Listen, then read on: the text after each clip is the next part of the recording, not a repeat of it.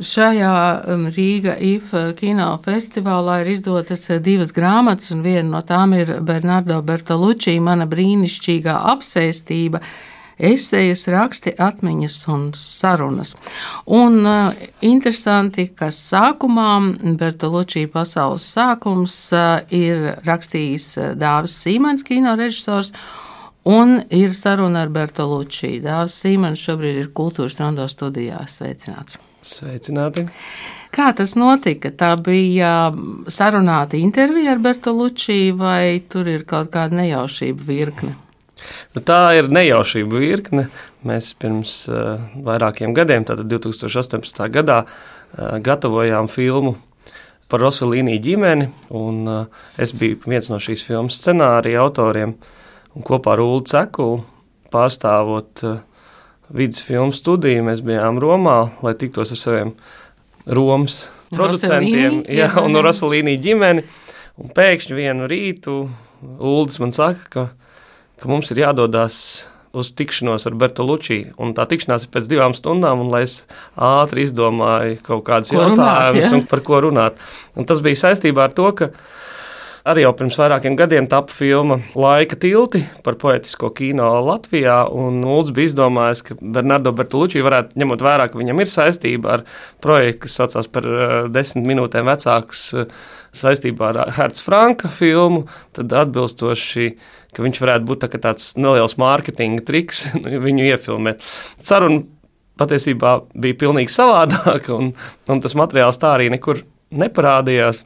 Un tagad, kad iznāca šī grāmata, nu, tā likās tāda unikāla iespēja to sarunu, kas patiešām iespējams bija viena no pašām, pašām pēdējām sarunām Bertoločī dzīvē, viņu publicēt. Un tad, nu, tad nu, es uh, tiku aicināts uzrakstīt šo priekšvārdu, un tā vietā, lai uzrakstītu priekšvārdu, es uz, vienkārši atšifrēju šo interviju un mazliet, mazliet tādus ievadvārdus, lai iedot lasītājiem kontekstu. Viņu tiešām bija iedvesmojusi Herca Franka filma. Tā situācija bija tāda, ka tas bija tāds liels projekts, kur Herca Franka filma tika ņemta par pamatu. Tas bija viens britu producents, kurš saicināja tajā laikā nozīmīgākos Eiropas režisors veidot katram nelielu īsfilmu, izveidot tādu tā kā antoloģiju, omnibusu, filmu omnibusu, kur kurš katrs eh, par šo tēmu, par desmit minūtēm vecāks, savā veidā reflektētu. Un, un, un viens no tiem cilvēkiem bija arī Bernardo Bertolucci, viens no tiem autoriem. Un, uh, viņiem tas jau bija kā tāds uzstādījums, ka šai antoloģijai iedvesmas avots ir šī Hertz Franka filma. Viņš nepazina Hertz Franku, viņš nezināja par viņu daļu, bet viņš šo filmu izmantoja kā tādu iedvesmas avotu, lai veidot šo īsfilmu. Ja tev saka Bernardo Bertolucci, kura filma nāk prātā? Nu, man dzīvē tādu vislielāko iespaidu laikam ir atstājusi filma Konformists, 1970. gada filma, kas apvieno divus, manuprāt, Bertolucci tādus spēcīgākos elementus viņa kino daļradē. Tas pirmkārt ir, ir tāds ļoti, ļoti izkopts stils, vizuālais stils, scenogrāfija nu, viņam ir tāda perfekta, perfekta arī choreogrāfija. Tas ir kaut kāda tāda viena puse, tāda kino formālā puse, kas it kā pārkāpj tās sižeta. Tādu sižeta vienkāršību vai sižeta piezemētību. Bet no otras puses, tas arī ir ļoti, ļoti konkrēts politisks manifests, ja, jo šī filma stāsta par cilvēku, kuram nav skaidrs politisks piedarības, bet ir absolūta spēja nu, jebkurā, pie jebkura režīma izdzīvot, un, uh, un viņam nav nekāda veida šī ētas, nekāda veida spēja. Varbūt pat izjust empātiju attiecībā pret citiem cilvēkiem. Tā, kā rezultātā nu, tas, manuprāt, ļoti labi raksturo ne tikai to laiku, par kuru runā, runā Bertolucci, tātad par pirmskara Itāliju Bet tas arī ļoti labi, man liekas, raksturo visus periodus, nu, 20. gadsimta vēsturē un arī 21. gadsimta vēsturē, kad mēs redzam, ka, ka šādi konformisti joprojām ir starp mums. Un joprojām mums tas, kā lai saka, tas politiskais konteksts, nav, nav kaut kā radikāli izmainījies. Nu, jo sevišķi šobrīd, kad mēs redzam to, kas notiek pasaulē. Jā, grāmatā ir vairākas nodaļas vai tādas lielas sadaļas par manām filmām, par manu kino, kur Bertolucci raksta tāds esejas par savām filmām atsevišķi. Un tad ir daļa skolotāju un ceļa biedri, kas man šķiet bezgalīgi inter interesanti, jo tur ir um, no nu, tādi pasaules uh, kino vārdi. Un tad ir daļa, ja es būtu kinokritiķis. Man šķiet, ka tur ir interesanta versija, ka viņš raksta par to, ka, ja es būtu kinokritiķis, uh, es nerakstītu par filmām, kuras man nepatīk. Nu, tas ir ļoti saudabīgi. Apmēram viņš saka, ka tad nav vērts tērēt laiku. Ja? Un tad ir sarunas, kur ir dažādas sarunas, kas ir gan televīzijā nofilmētas, gan arī savādāk. Bet lasot šīs esejas, vai bija arī kāda atklājuma par Bertolucci? Nu, jā, es, es domāju, pirmais jau atklājums tas, ka viņam patiešām ir ļoti bagāta valoda. Nu, viņš eh, pat arī šajā tulkojumā, kur, manuprāt, Līva Trekta ļoti veiksmīgi ir spējusi pārcelt kaut kā šo Bertolucci garu. Ja? Tad, uh, patiešām šī viņa spēja ieraudzīt šīs pasaules detaļas, un otrām kārtām spēja reflektēt par sevi, pat kaut kādā ziņā atsvešinoties no sevis kā no autora, un arī brīžam patiešām uzrādot unikālo spēju Jo ir skaidrs, ka režisori jau ir tādi egomanieki. Ja? Nu, viņi apsēst ar sevi, apsēst ar savu vēlmi realizēties šajā radošajā darbā un, un izveidot filmu vai teātris izrādi vai kā. Un šeit var redzēt, ka viņš kaut kādā ziņā ik pa brīdim cenšas no tā izrauties. Un tas priekš manis laikam bija tas interesantākais. Nu, gan īstenībā tāda buddhistisks mēģinājums atteikties no patības, atteikties no ego, kaut kā izrauties objektīvā skatījumā no ārpuses, ja, kur var parādīties paškritika, kur var parādīties arī, arī kaut kāds sevis noliegums kaut kādos mirkļos. Tas laikam arī bija tas priekš manis tas interesantākais, ko es šeit izlasīju. Kaut gan skaidrs, ka es šo grāmatu Krievijas tulkojumā biju lasījis jau nu, pirms apmēram 20 gadiem. Un kādas uh, filmas no Berta Lučija jūs iesakāt skatīties saviem studentiem? Nu, jau pirmām kārtām jau pieminētā, pieminētais konformists, tad man šķiet ļoti nozīmīga filma, kur arī, nu, studentiem ļoti noderīgi domāt par tādu episku kino, ja, tādu apjomīgu stāstu, kurš tiek izstāstīts, nu, tādu daudzu gadu garumā risinājušies vēsturisku stāstu, tas ir filma 20. gadsimts. Tāpat tās, protams, nu, laikam jau zināmākā un uh, Oskarotākā un visādi citādi pieminētākā Bertolucci filma Pēdējais imperators. Nu, katra no šīm filmām ir saudabīga un interesanta. Protams, arī ļoti interesants viņa periods. Nu, 70. gadi kļūst par Bertolucci par laiku, kad viņš um, iegūst tādu starptautisku atpazīstamību. Par to parūpējās konformists, pēc tam pēdējais tango Parīzē, un pēc tam jau arī 20. gadsimts. Bet uh, 60. gados viņš patiešām viņš ir tāds īsts nu, tā laika studentu kustības, studentu politiskās, kreisās politiskās kustības pārstāvis, lai gan viņš dzīvo salīdzinoši labklājīgi un, un, un patiešām tādu, mīl arī tādu buržāzisku dzīvesveidu, bet viņa tā politiskā pārliecība ir ļoti kreisa.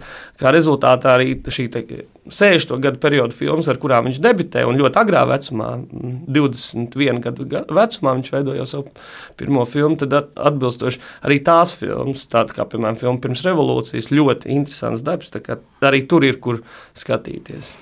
21 gadu vecumā ir eh, iznācis arī viņa dzīslu krājums, es te izlasīju. Bet eh, tās, kas man šķita bezgalīgi interesanti, 81. gada sarunas starp eh, Bernardo Bertolucci un Vimu Vendersu, kur viņi abi apspriež, ko viņi darītu, ja viņiem būtu tā iespēja strādāt televīzijā. Un pie tam viņi mm, runā par eh, daudzām tām lietām, kas šobrīd eh, ir iespējamas, kā, nu, kas to zina, ko viņi darītu mūsdienās? Jā, nu, tas, es domāju, ka ka ir, ir daž, dažreiz tāda sajūta, ka tie, tie laikmeti tik radikāli nomainījušies. Un, protams, šis laikmets, ko mēs nereti dēvējam par postkino laikmetu, kurā mēs šobrīd dzīvojam, kas ir sekojis digitālajai revolūcijai un tādai pilnīgai pārējai uz digitālo kino. Uh, Tas, tas, protams, šobrīd dažas tēzes, kas ir pastāvējušas kino vēsturē, vai kuras ir izteikuši nozīmīgi autori, nu, nu, da, dažreiz viņas liekas smieklīgas vai neatbilstošas, jo vienkārši viņiem iespējams nepietika fantāzijas, lai saprastu, kādas transformācijas piedzīvo šī pasaule un konkrēti šis mēdījis, lai varētu arī reflektēt par savu lomu tajā. Jā, un eh, tā kā mēs šeit aizkadrā jau esam izteikuši komplimentu tulkotāju Līvai Trekterei par Bertolucci grāmatas tulkojumu, šobrīd eh, Līva ir mums eh, pieslēgusies Zūmā. Labdien! Labdien! Līva, kā grāmata par Bernardo Bertolucci nonāca līdz jums, un, un kāds ir tas ceļš, kā, kā izvēlēties, kuras grāmatas tulkot latviešu valodā? Ja godīgi ar Bertolucci bija vienkārši, jo mēs kopā ar izdevniecību Aminoriju uzsākām rakstošo kino režisoru sēriju. Pirmais tulkojums bija Federico Fellini, pēc tam nāca Budijs Alens, kas bija atkāpa no itāļiem. Pagājušajā gadā iznāca Pjēra Paula Pazolīnī tulkojums. Un uh, Bertolucci vienkārši bija tāds nākamais loģiskais solis, ar ko iepazīstināt latviešu lasītājus. Kāda jums šķita Bertolucci valoda? Itāliski. Ļoti saprotama un pateicīga tulkotājam. Ja, piemēram, pagājušā grāmata, ko tulkoju, bija Pazolīnī romāns Ielas zēni, un uh, tur bija sastopami daudzi dažādi dialekti un akcenti, tad Bertolucci runāja ļoti salīdzinoši vienkāršākā itāļu valodā, bet manuprāt, tas arī nāk no tā, ka viņš arī intervijās ir daudz minējis, kad uh, uzsākot savas režisora gaitas, viņš uh, vairāk identificējās ar franču kino un uh, vēlējās bieži vien runāt franču mēlē. Arī daudzas viņa filmas ir um, angļu valodā, un līdz ar to, manuprāt, tā viņa valoda jau no paša sākuma bija tāda starptautiskāka, jo viņš varbūt neredzēja sevi tik uh, ierobežoti kā tikai itāļu režisoru, bet kā tādu Eiropas pasaules režisoru, un tas arī ļoti ietekmē viņa valodu rakstīšanas stilu pēc eh, grāmatas eh, Felīnī, kad mēs runājām, tad jūs teicāt, ka jūs eh, pārskatījāt visu pieejamo Felīnī. Kā tagad arī notika Bertolucci filmu pārskatīšana? Protams, arī es arī domāju, ka lasītājiem, lasot grāmatu, būs ļoti interesanti pārskatīt uh, filmas, jo viņš tiešām daudz runā par savām filmām. Bet kas bija vēl interesantāk šajā grāmatā, ka nācās pārskatīt ne tikai Bertolucci filmas, bet arī daudz citas klasikas, kuras viņš piemina grāmatā. Tāds pārsteigums varbūt ir tas, ko daudzi nezina, ka viņa tēvs ir bijis dzēnieks un viņš pats arī ir rakstījis dzējoļus. Jā, jā grāmata arī, jo sevišķi pašā sākumā liek, dod mums iespēju iepazīt Bertolucci kā dzēnieku, nevis tikai kā režisoru. Un um, No tā arī var redzēt to, no kurienes ir radušās dažas viņam tieši raksturīgās filmu veidošanas tehnikas, kas uh, sasaucas ar viņa dzēju. Un, uh, un tā kā, tā kā uzaudzis uh, dzēnieka ģimenē, Bertolucci pats arī saka, ka viņš sāka rakstīt dzēju uzreiz, kā viņš iemācījās rakstīt, uh, sešu gadu vecumā. Un, uh, tā tad uzaudzis viņš ir ar uh, dzēju kā to māksliniecisko izpausmes veidu, un vēlāk uh, viņš arī intervijās pats izsakās, ka kino arī veids, kā rakstīt dzēju. Tātad viņš tomēr atkāpjas no tā tēva un bērnības uh, pasaules un, un, un atrod savu veidu, kā izpaust uh, to, kas viņam ir ir asinīs būtībā.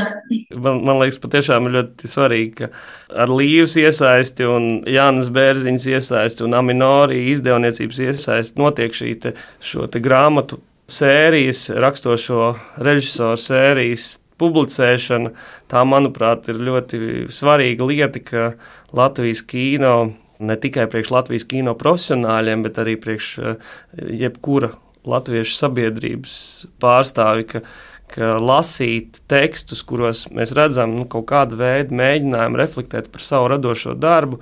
Nu, šāda veida domu apkopojums vai domu plūsmas apkopojums nu, ir ļoti, ļoti svarīgs. Viņš parāda to, ka, cik eh, tāda kaut kāda iekšēja koncentrēšanās un vispār nepieciešamība sevi konstanti turēt domāšanas formā nu, ir svarīgi priekš ikviena cilvēka. Tāpēc nu, šis darbs patiešām ir svētīgs kā tāds kārtējs atgādinājums. Un, protams, Un, protams, nu, tādā kultūras vēstures kontekstā arī šo filmu pieminēšanu un šo režisoru daļradas aktualizēšanu, lai mēs arī nepazaudējam to kino gaumi, kas šobrīd ir ļoti noplicināta. Ja, mēs tieši atgriežam skatītājā interesi par vēsturisko kino, jo, ja mēs viņiem atgriezīsim šo interesi par kino, kas ir uzņemts kaut kad pagātnē, nu, pēdējā iepriekšējā iepriekšējā gadsimtā, tad eh, mēs arī atradīsim viņos interesi skatīties sarežģītāku, konceptuālāku vai kaut kādā veidā dompilnāku kino mūsdienās. Līva, ja jau eh, tā ir tradīcija, rakstošie režisori, vai ir jau kāda ideja par nākamo? Idejas ir. Mm. Itāļu režisori vēl ir daudz, bet vēl uh, cīnāmies par tiesībām un, un, un uh, mēģinām atrast īsto nākamo. Paldies, paldies jums šodien par eh, sarunu. Tūkotāja Līvai Trekterei un um, kino režisoram Dāvim Sīmanim. Šobrīd tiešām eh, mūsu rīcībā ir grāmata Bernardo Bertalučī mana brīnišķīgā apsēstība, un tiešām ir tāda sajūta, ka tagad vajadzētu pārskatīt viņa filmas, kā arī tās filmas, ko viņš piemin pie saviem ceļa biedriem un skolotājiem. Paldies! Paldies! Paldies, Līva! Paldies.